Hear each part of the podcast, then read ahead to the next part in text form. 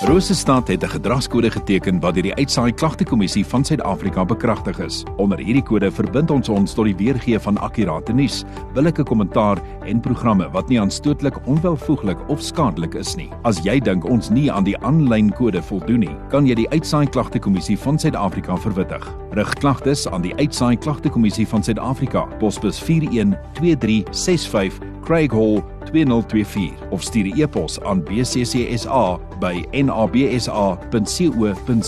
Vir verdere inligting, besoek www.bccsa.co.za. Dit is altyd vir my so lekker om haar te verwelkom hier in die ateljee. Maritjie Landsberg van Aurora. Goeiemôre, welkom Maritjie. Dankie dat jy vanoggend weer vir ons gaan leer en kan gesels. Goeiemôre Gerda, dit is lekker om weer 'n bietjie by jou te kuier saam met die luisteraars. Ek glo ons sal 'n interessante praatjie hê. Nou, Maritjie, die 9de September, dit was om nou onlangs, was internasionale fetale alkoholsindroom bewusmakingsdag, sommer 'n mond vol, maar die statistieke lyk nie goed nie want ek sien nuusberigte dui aan dat Suid-Afrika die hoogste gerapporteerde gevalle van fetale alkoholsindroom ter wêreld het. Dit kom nou uit op as ek nou die die, die syfers reg verstaan 111.1 persone per 1000 mense van die populasie. Ja, dis nou die nuutste statistiek wat hulle op die 9de September ehm um, vrygestel het. Aurora Aurora. Ehm um, Suid-Afrika was altyd so um, derde of vierde in die wêreld, maar die nuwe navorsing wys nou dat ons hierdie top ehm um, bereik het en dit is nogal kommerwekkend. Ehm uh, vir mense wat werk in alkohol want dit maak 'n groot impak op ons groei en ons bevolking en die samelewing. Nou Maritjie, kom ons begin net by die by die begin. Wat wat is fetale alkoholsindroom? Ons aan die pra praktyk praat sommer van FAS, VAS, fetale alkoholsindroom. Dis wanneer 'n ma alkohol drink terwyl sy swanger is. Die alkohol gaan deur die plasenta en alles na die baba toe en dan word die babas gebore met verskillende defekte of ehm um, gebreke of gebreke. So en nou deesdae het hulle dit nou bietjie uitgebrei. Hulle klassifiseer dit in drie groepe. Die een is ehm um, geboortedefekte en dan die ander een is uh partial. Ehm um, so dis gedeeltelike alkohol fetale alkoholsindroom en dan die neurontwikkeling wat 'n probleem is. So mense dink altyd dis die kind met die snaakse gesiggie en die klein handjies, die prentjies wat ons op die internet sien, maar party kinders met uh, fetale alkoholsindroom het geen fisiese tekens nie, maar die neurontwikkeling in die brein gebeur nie soos wat dit moet nie. So die navorsing het bietjie uitgebrei daarna. Nou Maritjie, hoeveel drank sal 'n ongebore baba dan skade kan berokken want ek weet daar is nou al mense wat gaan sê ja maar ek drink nie baie nie. Hoe, hoe, hoeveel hoeveel het jy nodig? Of hoeveel gaan skade maak aan jou baba? Ehm um, die navorsing wys enige alkohol want onthou wat die moeder inneem neem die baba in. So die groei word uh, word invloed jou breinontwikkeling word beïnvloed.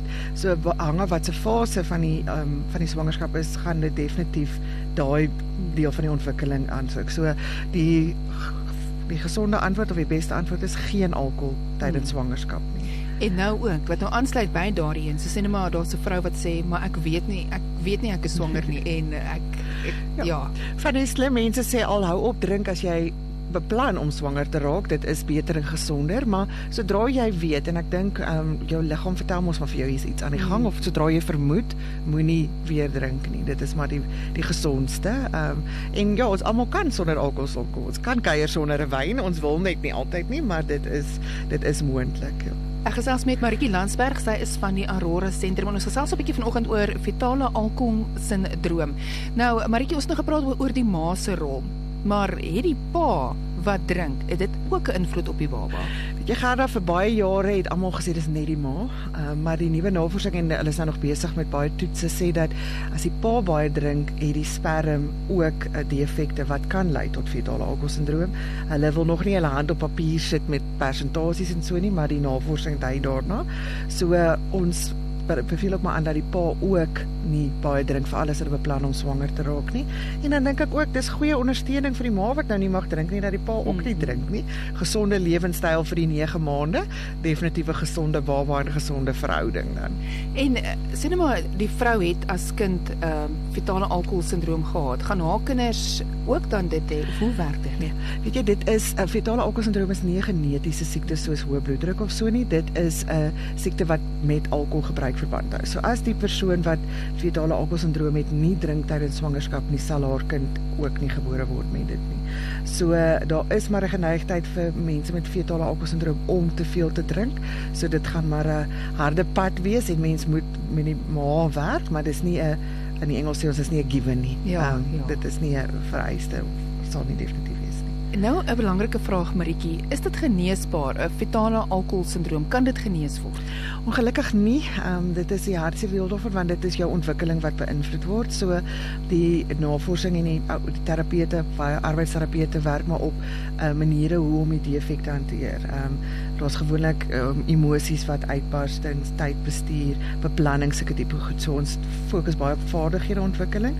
Ehm um, onder die kinders kry jy ook gewoonlik baie ehm um, dissipline probleme. So mense werk aan streng rotines ensovoorts om om dit te beheer en dan as die neurontwikkeling so beïnvloed is dat daar breinskade is, gaan dit dalk wees dat die persoon nie kan ontwikkel um, in 'n optimaal funksionerende kind of mens nie. Persoon nie. Ja. Dit ja. het my by my volgende vraag, my laaste vraag wat ek vir jou wil vra is as 'n kind dan nou gebore is met met ehm um, met FAS, fetale alkoholsindroom en groot word met dit, kan die persoon 'n selfstandige volwassene wees? Hang dit maar af. Ja, ach, ja, dit hang maar af. Ek dink ja. van die van die mate van die van die ontwikkelings en die skade wat daar is, maar as dit 'n ligte fase is, want dit is nou 'n spektrum wat getoets word en die regte vaardighede wat ontwikkel, leef hulle baie goeie lewens. Dit is soos 'n persoon met ehm um, hyperaktiwiteit. Uh, jy leer vaardighede aan om dit te dit te beheer en dis dieselfde met fetale alkoholsindroom, maar as dit 'n baie ernstige geval is, het hulle baie baie hulp nodig as individue of volwassenes ook. So Maar die die die die beste is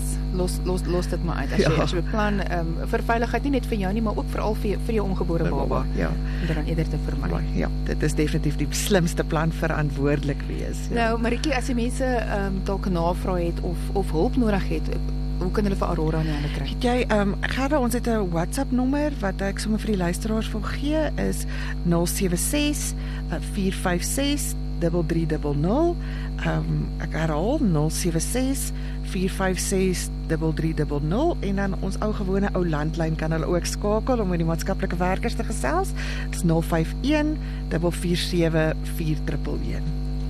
Asai, so as jy hulp nodig het of enige navrae het, kontak dan die landlyn by Aurora is 051 447 4111 of soos Maritjie gesê het, jy kan na die WhatsApp stuur na 076 456 3300. Maritjie Landsberg van Aurora, altyd lekker om jou te gesels en en dankie vir wat jy ook doen. Ons gesels weer binnekort. Dankie Gerda en lekker dag vir al die luisteraars.